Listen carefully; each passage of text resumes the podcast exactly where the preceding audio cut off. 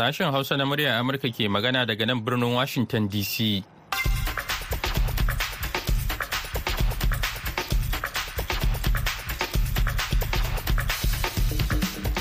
Masu sauraro Assalamu alaikum barkanku da asuba da fatan an wayi gari lafiya. Muhammad Hafiz Baballe ne tare da Maryam Dauda. Sauran abokan aiki muke farin cikin kasancewa da ku yau talata 14 ga watan Fabrairu na shekarar 2023. Kafin ku ji abubuwan da muke tafa da su ga Maryam da kanin labarai. To Hafiz a jiya Litinin Amurka ta faɗi cewa bata san daga inda wasu abubuwa guda uku da ta harbo a sama a 'yan kwanakin nan suka fito ba. Masu aikin ceto a ƙasar Turkiyya sun zaƙulo ƙarin mutane da yawa a raye daga cikin baraguzan gine-gine a jiya Litinin. Birnin Bakhmut da ke gabashin Ukraine ya fuskanci hari da manyan bindigogi a jiya Litinin. Kanin labaran kenan a ci gaba da kawo muku rahotanni na musamman kan halin rayuwa a jihohin Najeriya inda ake shirin gudanar da zaɓe. A yau za mu duba tarihin siyasa da tattalin arziki a jihar Jigawa da ke arewa maso yammacin Najeriya. idan ka duba hatta ayyuka da ake zuwa da su wato tsare-tsare na zamani na ci gaban al'umma na ƙasashen duniya suke tallafa jihar jigawa ta yi fice wajen zamowa a matsayin jiha wadda in dai aka zo aka gwada irin wannan tsare-tsare za ga sun karbu Kamar kowace ranar Talata, yau ma muna tafa da shirin tsaka mai wuya da Aliyu Mustapha Sokko take gabatarwa. Amma kafin nan sai ku gyara zama ku sha labaran duniya kashi na farko. Jama'a Assalamu alaikum ga cikakkun labaran. A jiya Litinin Amurka ta faɗi cewa bata san daga inda wasu abubuwa guda uku da ta harbo a sama a 'yan kwanakin nan suka fito ba a yayin da suke shawagi a saman yankin Amurka ta Arewa. Gwamnatin ta ce ba ta tunanin abubuwan jiragen saman leƙen asiri ne, ko da yake bata fidda rai akwai yiwuwar na leƙen asirin ne ba. Mai magana da yawon kwamitin tsaron ƙasa John Kirby ya faɗawa manema labarai a fadar White House cewa abubuwan ba su da karahunan da za su tura abu ko su sa ya tashi kuma ba ana sarrafa su daga wani wuri ne ba. Ya kara da cewa ba sa da fasahar leƙen asiri amma dai ba su iya tabbatar da hakan ba. Kirby ya kuma ce sassan dukan abubuwan guda uku sun fada a wuraren da ke da wahalar zuwa. Wuri mai kankara a kusa da gabar tekun jihar alaska da ke arewa maso yammacin amurka da yankin yukon da ke arewa maso yammacin Canada da kuma tafkin Huron da ke kan iyaka Amurka da Canada. Masu aikin ceto a ƙasar Turkiyya sun zaƙulo ƙarin mutane da yawa a raye daga cikin baraguzan gine-gine a jiya Litinin sama da mako guda bayan aukuwar mummunar girgizar ƙasa a yankin. Amma fatan gano ƙarin wasu mutanen a raye na ƙara dasashewa. A garin islahi da ke kudancin lardin gaziantep.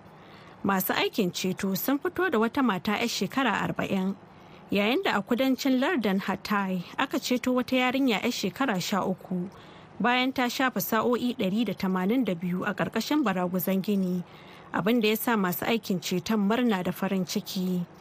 Gidan talabijin ɗin turkiya ya nuna yadda aka ceto wasu mutanen da yawa a jiya litinin. Amma ƙwararru sun yi gargaɗin cewa lokaci na ƙara ƙurewa na gano ƙarin mutane a raye a cikin baragwazon gine-gine. Mazauna garin samanda da ke hatay sun koka kan yadda gwamnati bata tashi tsaye ba wajen neman waɗanda suka tsira da rayukansu. Birnin bakhmut da ke gabashin ukraine ya fuskanci hari da manyan bindigogi a jiya litinin.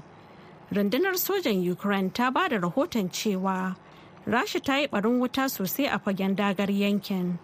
Ta kuma ce an kai hare-hare a kan wurare sha shida a kusa da bakhmut. Mayakan ukraine waɗanda suka kwashe watanni suna fafatawa a wurin suna cikin shirin fuskantar sabbin hare-hare ta ƙasa a cewar jami'an sojan ukraine. Shugaban rasha vladimir putin ya mai da hankali a kan garin bakhmut sosai kuma kama garin zai baiwa rasha sabon muhimmin wuri a yankin donetsk da kuma nasara bayan fuskantar koma baya tsawon watanni da yawa. Sakataren janar ɗin ƙungiyar tsaron NATO, Jan Stoltenberg, ya bayyana cewa tuni Rasha ta fara kai sabon gagarumin farmaki a gabashin Ukraine a yayin da ake kusantar ranar 24 ga watan Fabrairu, wato ranar cika shekara ɗaya da fara mamayar Rasha a ƙasar. To kuna sauraron labaran ne daga nan sashen Hausa na muryar Amurka a birnin Washington DC. To madalla, an jima kaɗan Maryam za ta sake shigowa da ci gaban labaran duniya, amma kafin nan bari mu buɗe taskar rahotanninmu. A ci gaba da kawo muku rahotanni na musamman kan halin rayuwa a jihohin Najeriya inda ake shirin gudanar da zaɓe. Wakilin a jihar Jigawa Mahmud Ibrahim Kwari ya yi nazarin tarihin siyasa da tattalin arziki a jihar tun daga lokacin da aka kafa jihar daga tsohuwar jihar Kano da ke arewa maso yammacin Najeriya zuwa yanzu. Mahmud Gareka.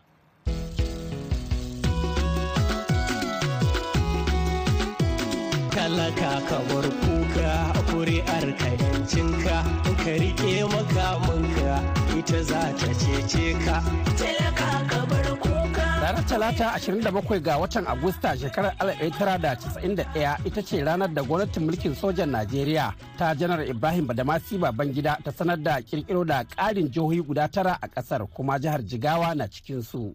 Honorable nasiru garba ce ya bibiyi gwagwarmayar neman samar da jihar jigawa da ma sauran jihohi da aka nema daga tsohuwar jihar kano. Jihar kano kowa ya riga ya san kusan duk yawancin abubuwa da za gani na ci gaba duk a cikin babban birnin jihar sai mutane suka yi ta haɗa kansu ta yaya za a sami dama a ƙirƙiri jihohi domin a samu waɗannan ci gaban ya zamanto sun kai ga mutanen da suke a wajen kano. Jigawa na kan gaba a jerin jihohin najeriya da suka sha fama da ƙalubalen ci gaba sai dai a 'yan shekarun baya bayan nan ta yi fice wajen karɓar bakuncin ƙungiyoyi da hukumomin ayyukan ci gaba musamman na ƙetare. Kwamar da abdulrazak alkali na aiki da wasu daga cikin waɗancan cibiyoyi. Idan ka duba hatta ayyuka da ake zuwa da su wato tsare-tsare na zamani na ci gaban al'umma da ƙasashen duniya suke tallafa. Jihar jiga ta yi fice wajen zamowa a matsayin jiha wadda in dai aka zo aka gwada irin wannan tsare-tsare za ga sun karbu cikin shekaru fiye da talatin da kirkiro jihar jigawa gwamnoni takwas ne suka shugabance ta na soja guda huɗu na farar hula guda huɗu sai dai wasu daga cikin masu kula da lamura na ganin cewa jihar ta jigawa na fuskantar koma baya ta fuskar tattalin arziki. Amma honorable nasir garba ɗance na cewa miliyoyin kuɗin da ake yi a manya-manyan kasuwoyinmu ka tafi mai gatari ka tafi gujungu ka tafi sara duk waɗannan manya-manyan kasuwanni. Idan da za a mai da shi na zamani yadda ake kasuwanci an samo da ƙididdiga yana shiga cikin tsari na tattalin arzikin ƙasa. Ni ba zan taɓa yadda cewar jigawa rural area ba ce. Kuma mun shahara akan noma. Gabanin ta rikide ta zama jam'iyyar hamayya jam'iyyar pdp ta riƙe ragamar mulkin jihar jigawa tsawon shekaru takwas a baya inda a shekara ta 2015 jam'iyyar apc mai mulki a yanzu ta karɓi ragama. Ƙungiyoyin sa kai a sassan jihar na taka rawa wajen tabbatar da shugabanci na gari ga talakawa. In ji kwamar salisu gumel guda cikin jagororin ƙungiyoyin ci gaban al'umma a jihar. Jihar Jigawa Allah ya albarkace mu da 'yan kungiyoyi hazikai kuma duka kusan kanmu a haɗe yake na wannan gari sun san nan wancan gari saboda muna da inuwar da muke haɗuwa muke tattauna matsalolinmu na yau da kullum duk da kowace ƙungiya da irin abin da ta sa a gaba. Duk da cewa Jigawa na cikin jihohin Najeriya masu ƙarancin kalubalantar zoma musamman a yayin zaɓuka. Al'ummar jihar na fatan yadda zaɓe mai zuwa zai wakana cikin lumana. kuma a sami sahihin sakamako. suna da da abubakar inda za a bi da a samu sahihin zaɓe talakawa da shugabanni da 'yan sanda dole sai mun tsaya mun nutsu saboda abubuwan da muke ciki masifar ta yawa sunana abdulkadir ahmed. 'yan siyasa su suke bata ya kamata sun wasu gyara su yi saboda allah da annabi su yi tsoro. Sunana ya udallari yawanci agents na akwati su ne masu mabata zaɓe gaskiya. Kamar zaɓen da aka yi last kun kana magana da salisu bako jigawa. Mutane suna cikin abubuwa. Don magana na gaskiyan har ga Allah an ana so a samu sahihin zaɓe to mutane su komo hayyacinsu. Sunana Muhammad Sagir Muhammad. Ya kamata a bar kowane mutum ya fito ya zaɓi ra'ayinsa abin da yake so. Manyan 'yan takarar da ke neman kujerar gwamnan jihar sun hada da Mustapha Lamido na jam'iyyar PDP da Malam Umar Namadi na jam'iyyar APC da kuma Malam Aminu Ibrahim Ringim na jam'iyyar NNPP. Sai dai al'ummar jigawa na bayyana wasu daga cikin abubuwan da suke muradin gani bayan kafa sabuwar gwamnati. Ina Nura Ahmad da ke garin Zazuka, karamar hukumar birnin kudu local government. Ina so a ce gwamnati ta duba ga mu mutanen ƙauye game da harkar noma. Sunana muhammad shaban ra'ayina duk gwamnatin da za ta hau ya kasance ta yi abin da birnin dutse ya kasance ya fi kowane birni ma na state a tarayyar najeriya. Sunana injiniya ibrahim sa'id uba. Ina kira da sabuwar gwamnati da allah zai kawo a gaba ta kalli matsalar ambaliya da al'ummar mu suke shiga cikin matsi da tattalin arziki da asarar dukiyoyi da rayuka da dabbobi da amfanin gona. Kamar sauran jihohin Najeriya a ranar goma sha ɗaya ga watan gobe na Maris ne za a yi zaɓen gwamna da 'yan majalisar dokokin jihar Jigawa kamar yadda yake kunshe a jadawalin hukumar zaɓen ƙasar wato INEC. Mahmud Ibrahim Kwari, muryar Amurka daga Jigawa a Nigeria.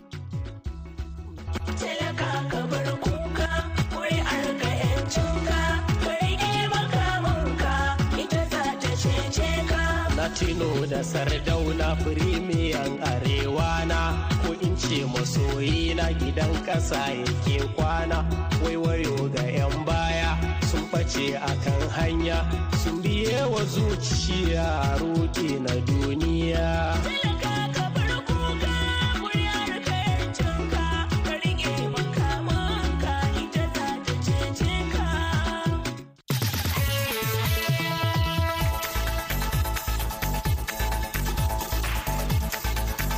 A gaida Mahmud Ibrahim kwari da wannan rahoto na musamman. Ana tare ne da sashen Hausa na murya Amurka a birnin Washington DC. Yanzu agogonmu na cewa ƙarfe goma sha biyu na dare da minti goma sha ɗaya. Yanzu kuma ga Maryam ta dawo da labaran duniya kashi na biyu. Matsalolin tattalin arziki da takunkuman da aka sanyawa kafofin yada labarai bayan da gwamnatin taliban ta koma kan mulki a shekarar 2021 a afghanistan sun sa a kan dole aka rufe kusan kashi 34 cikin 100 na gidajen rediyo a cewar rahotanni lamarin da ya sa ɗaruruwan maza da mata suka rasa ayyukansu. Ƙungiyar 'yan jarida mai zaman kanta ta afghanistan da ake kira aiju a taƙaice kafar da ke sa ido a kan sauran wadda shalkwatar take birnin kabul. Ita ce ta fitar da alkaliman ajiyar litinin ranar rediyo ta duniya.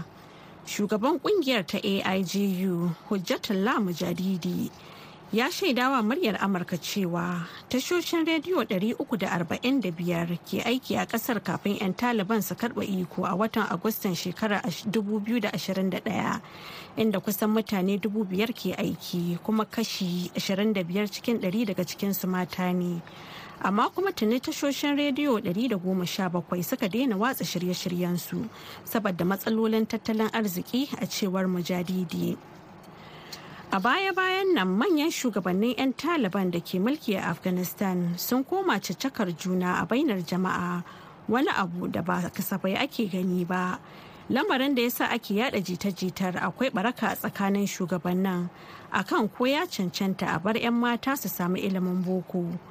An fara cacar bakin ne a ranar Asabar ɗin da ta gabata.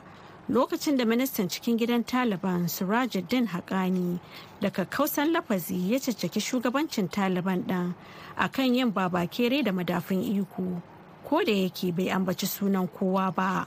Haƙani ya faɗa a wani taron addini a yankinsa na host cewa ya kamata gwamnatin taliban ta daina aiwatar da manufofin da za su haifar da rarrabuwar kawuna tsakanin tsarin mulkin gwamnatin da jama'a abin da zai ba wasu damar yin amfani da hakan don ɓata sunan musulunci.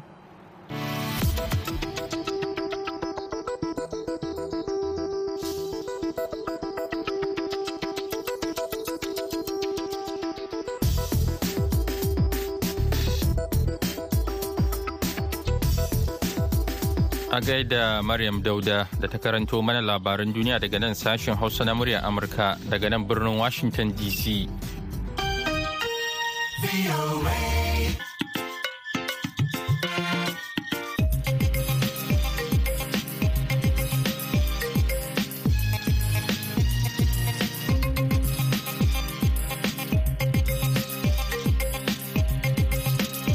Madalla. Kada manta wannan shirin na zuwa muku ne daga nan birnin Washington DC akan mitoci 16, 25 da kuma 31 a jamhuriyar Nijar za a iya sauraron matashar mu ta BOA Africa akan mita 200.5 baya ga haka a yaushe ake so za a iya zuwa shafukanmu na intanet a boahausa.com yanzu kuma ga shirinmu na gaba. Tsaka mai wuya. Sannan magana 'yan sandan jiha idan ba mu gyara ban goyi bayan shi ba. Ai ranka shaɗe wannan magana abin da ke faruwa ba wai kasuwanci ne. Su 'yan siyasa jam'iyyoyin da ke mulki sun maida shi yanzu abin ɗauka kuɗin al'umma ba tare da an diba ba saboda ba audit yanzu. Wannan a kama mutum ai garkuwa da mutane da ake ake biya kuɗi. Shi yasa wannan abu bara a daina ba. Da ba a ba da kuɗin. Karyewar shari'a ne. Yadda ake gudanar da shari'a a ƙasarmu da rashin adalcin da ake yi. Yasa har mutane suka ɗauki doka a hannuwansu suka je suka fara kashe wasu. Jama'a muna fatar kuna nan kalau kamar da muke a nan washington dc ku da zuwa ga wani sabon shiri na tsaka mai wuya. Kana goyon bayan a kafa 'yan sandan jiha-jiha a najeriya kuwa? Sai nan ko me yasa ba a samun haɗin kai tsakanin ƙungiyoyin tsaro na najeriya? Ba da bayan haka yanka ajiye afirka ta kudu da najeriya ka kalle su da tsarin 'yan sandansu me bambancin su? Sannan kuma za mu duba shin wa yake amfana da mankudan kuɗaɗen fansa da ake karɓa da barayin daji suke karɓa sun sace mutane bayan su barayin? Duk wannan sa cikin batutuwan da za ku ji a ci gaban muhawarar da muka kawo muku tsakanin 'yan takarar jam'iyyun da dama na najeriya masu takarar gwamna wato muhammad umar bago da ke takarar gwamna a jihar neja da haliru jika da ke takarar gwamna a jihar bauchi a ƙarƙashin yan npp da umar adu mai yau sdp takarar gwamna a adamawa da jamilu jino da ke takarar gwamna a ƙarƙashin lemar prp a katsina da kuma sadiq wali wanda a da shi yake wa pdp takarar gwamna kafin daga baya a zo a canja shi a can jihar kano. To ba tare da bata lokaci ba bari mu tsoma. ra'ayinka da ya muka samu kama a cikin wannan hali din? Kuma wani abu da ke so ka taba kafin ka ba shi alhaji umar bago. Maganar 'yan sandan jiha kuna ganin in an yi ta za ta taimaka amma fara min da dalili ya muka samu kamar laifin waye wannan? sake jaddada abin da su biyu suka faɗa. Duk abin ɗaya ne. Ka yadda da abin suka ce yes na yadda da abin da suka faɗa. Babban matsalan harkan tsaro a najeriya shine abin da bature yake kira sinaji sinajin nan kuma tsakanin su hukumomin da suke aikin tsaro a najeriya. Yau abin da sss yake yi police bai sani ba. Abin da soja yake yi air force bai sani ba. Abin da navy yake yi soja bai sani ba. Haka abin da civil defense yake yi police bai sani ba. Kuma kowa ya shiga cikin aikin kowa yana ma katsa london ma kowa a cikin abin da kowa yake. Idan aka tuna ba mata ba majalisa na bakwai da na takwas da na tara wanda muke ciki yanzu mun ɗauki taxpayers money wato haraji. na al'umma. Mun je mun yi bincike mun gayyato masu hannu da shuni. Wato critical stakeholders a cikin harkar security na Najeriya mun tattauna da su mun samu mafita na yadda za a yi a tantance abin nan a a samu maslaha a kan abin nan. Wanda kuma mun mika shi mu gwamnatin tarayya mun mika shi mu shugaban kasa har yau ba ɗauki mataki akan shi ba. Wannan ya kamata ya canza. Sannan maganar da kace in yi na maganar yan sandan jiha. sannan maganar yan sandan jiha idan ba mu gyara ban goyi bayan shi ba. Dalili na ko shine idan ba mu gyara wanda muke da shi ba yau ƙaramin kasa kamar South Africa wanda mu muka taimake ta ta samu abin da na kawo shi kuna ta magana America. America ba yau a South Africa. Zuwa. A america har dan sandan unguwa akwai akwai na karamar hukuma akwai na jiha akwai na tarayya akwai zan gaya maka abin da yau idan ka je south africa mutane miliyan hamsin ne kacal a south africa. Suna da yan sanda miliyan biyu.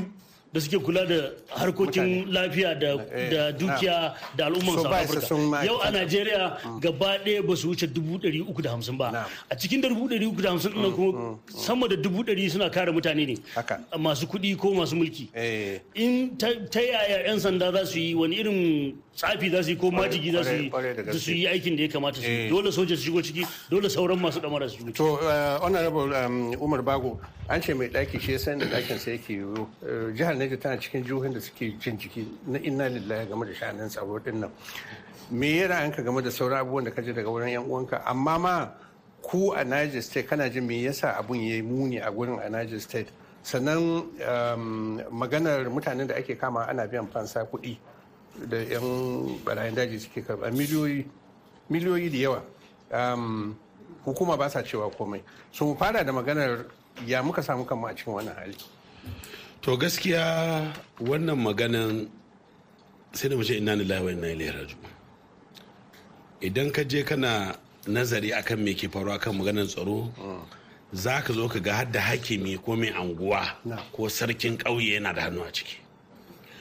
Me yasa suke da hannaye a ciki? Kudi ya shiga ciki. Kudi ana ba su so ana ba da kuɗi wannan a kama mutum ai garkuwa da mutane da ake ake biya kuɗi shi yasa wannan abu ba a daina ba. Da ba a ba da kuɗin da to ba amma gwamnati ta kawo ido ta sa mutane. In an kawo mutane yanzu mutanen da kama na kaduna nan kan jirgin ƙasar nan kwana ɗari da wani abu suna. Akwai yaran da aka kama a niger state da yawuri a kebbi state sun fi watanni suna can. ma har yanzu wannan maganan da ake yi ya kamata a ce an fitar da kuɗi. Wa zai fitar da kuɗin ne? Gwamnati? Gwamnati. Ta rinka biyan mutane? A tun da bata riga ka ga na na farko yan rufa ya yi wani magana. Gandun dajin nan mu shiga mu kona ta kurmus. Wai an san inda mutanen da suke? Ne ya ce an san An inda mutane suke. ya ce akan sani. Duk an nan da aka yi muna da na san abin da cin su ji ba. Eh. gandun dajin na abin da ya sa kuma tafi yawa a naija naija tana da kofofi guda shida na shiga ƙasar naija daga wasu jihohi. Da jihohi hadda benin republic. To. Muna da boda da mu da kwatonu muna da boda da zamfara. Muna da boda da eh, eh, eh, kebbi. Muna da boda da kaduna. Muna da boda da abuja. Muna da boda da kwara. Muna da boda da da So- da sokoto ma. To wannan wuraren nan jaji ta yi yawa. To ya kamata a ce wannan dajin da suke nan daga nan zaka je amma a birnin gwari. an san inda mutanen nan suke. An sani mana abin da gwamnati kafin ma wannan lokacin hanyar birnin gwari fa an zaka sani yanzu shekara 24 an tabbatar mutanen nan suna to amma an san inda suke me yasa ba a tura ma'aikatan tsaro su je ba su ba ma'aikatan. Ba ma'aikatan eh ba ma'aikatan.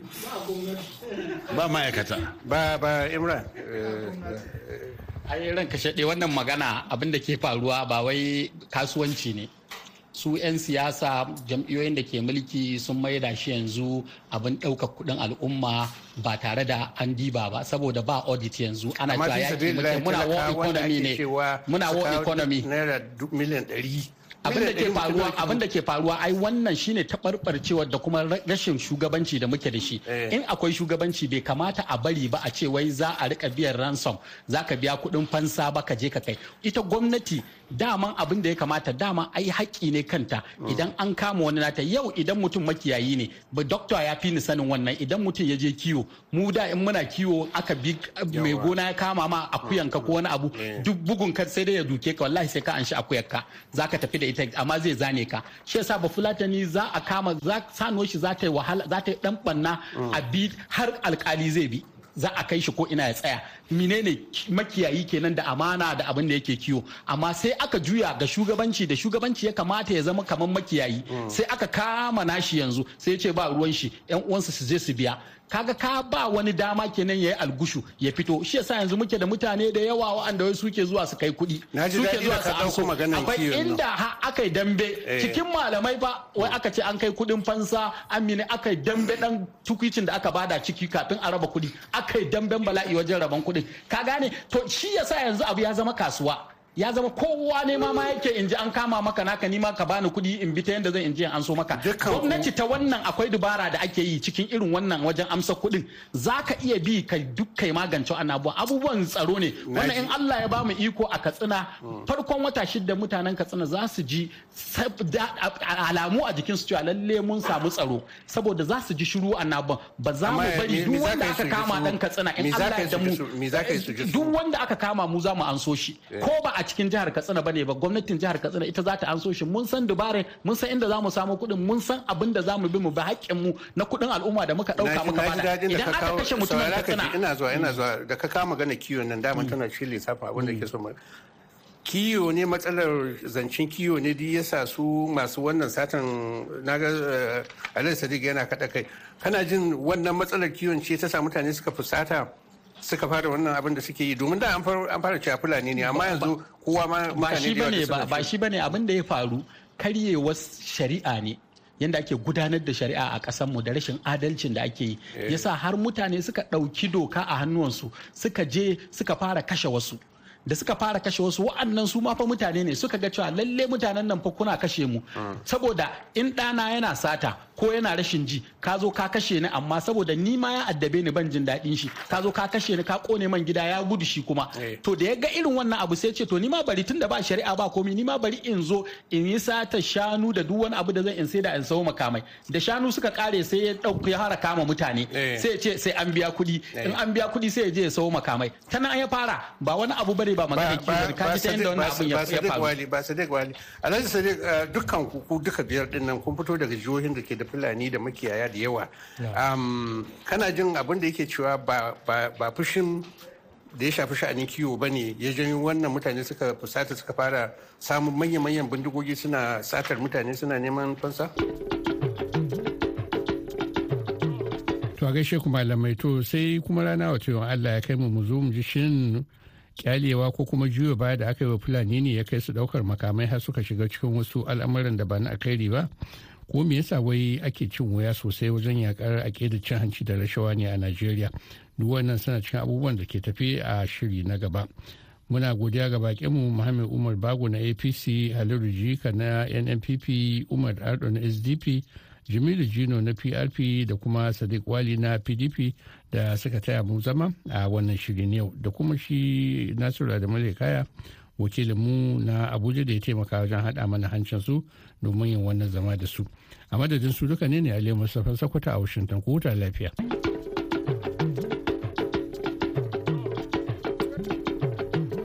a gaida aliyu mustapha sakwato yanzu kuma ga wannan saƙon Najeriya.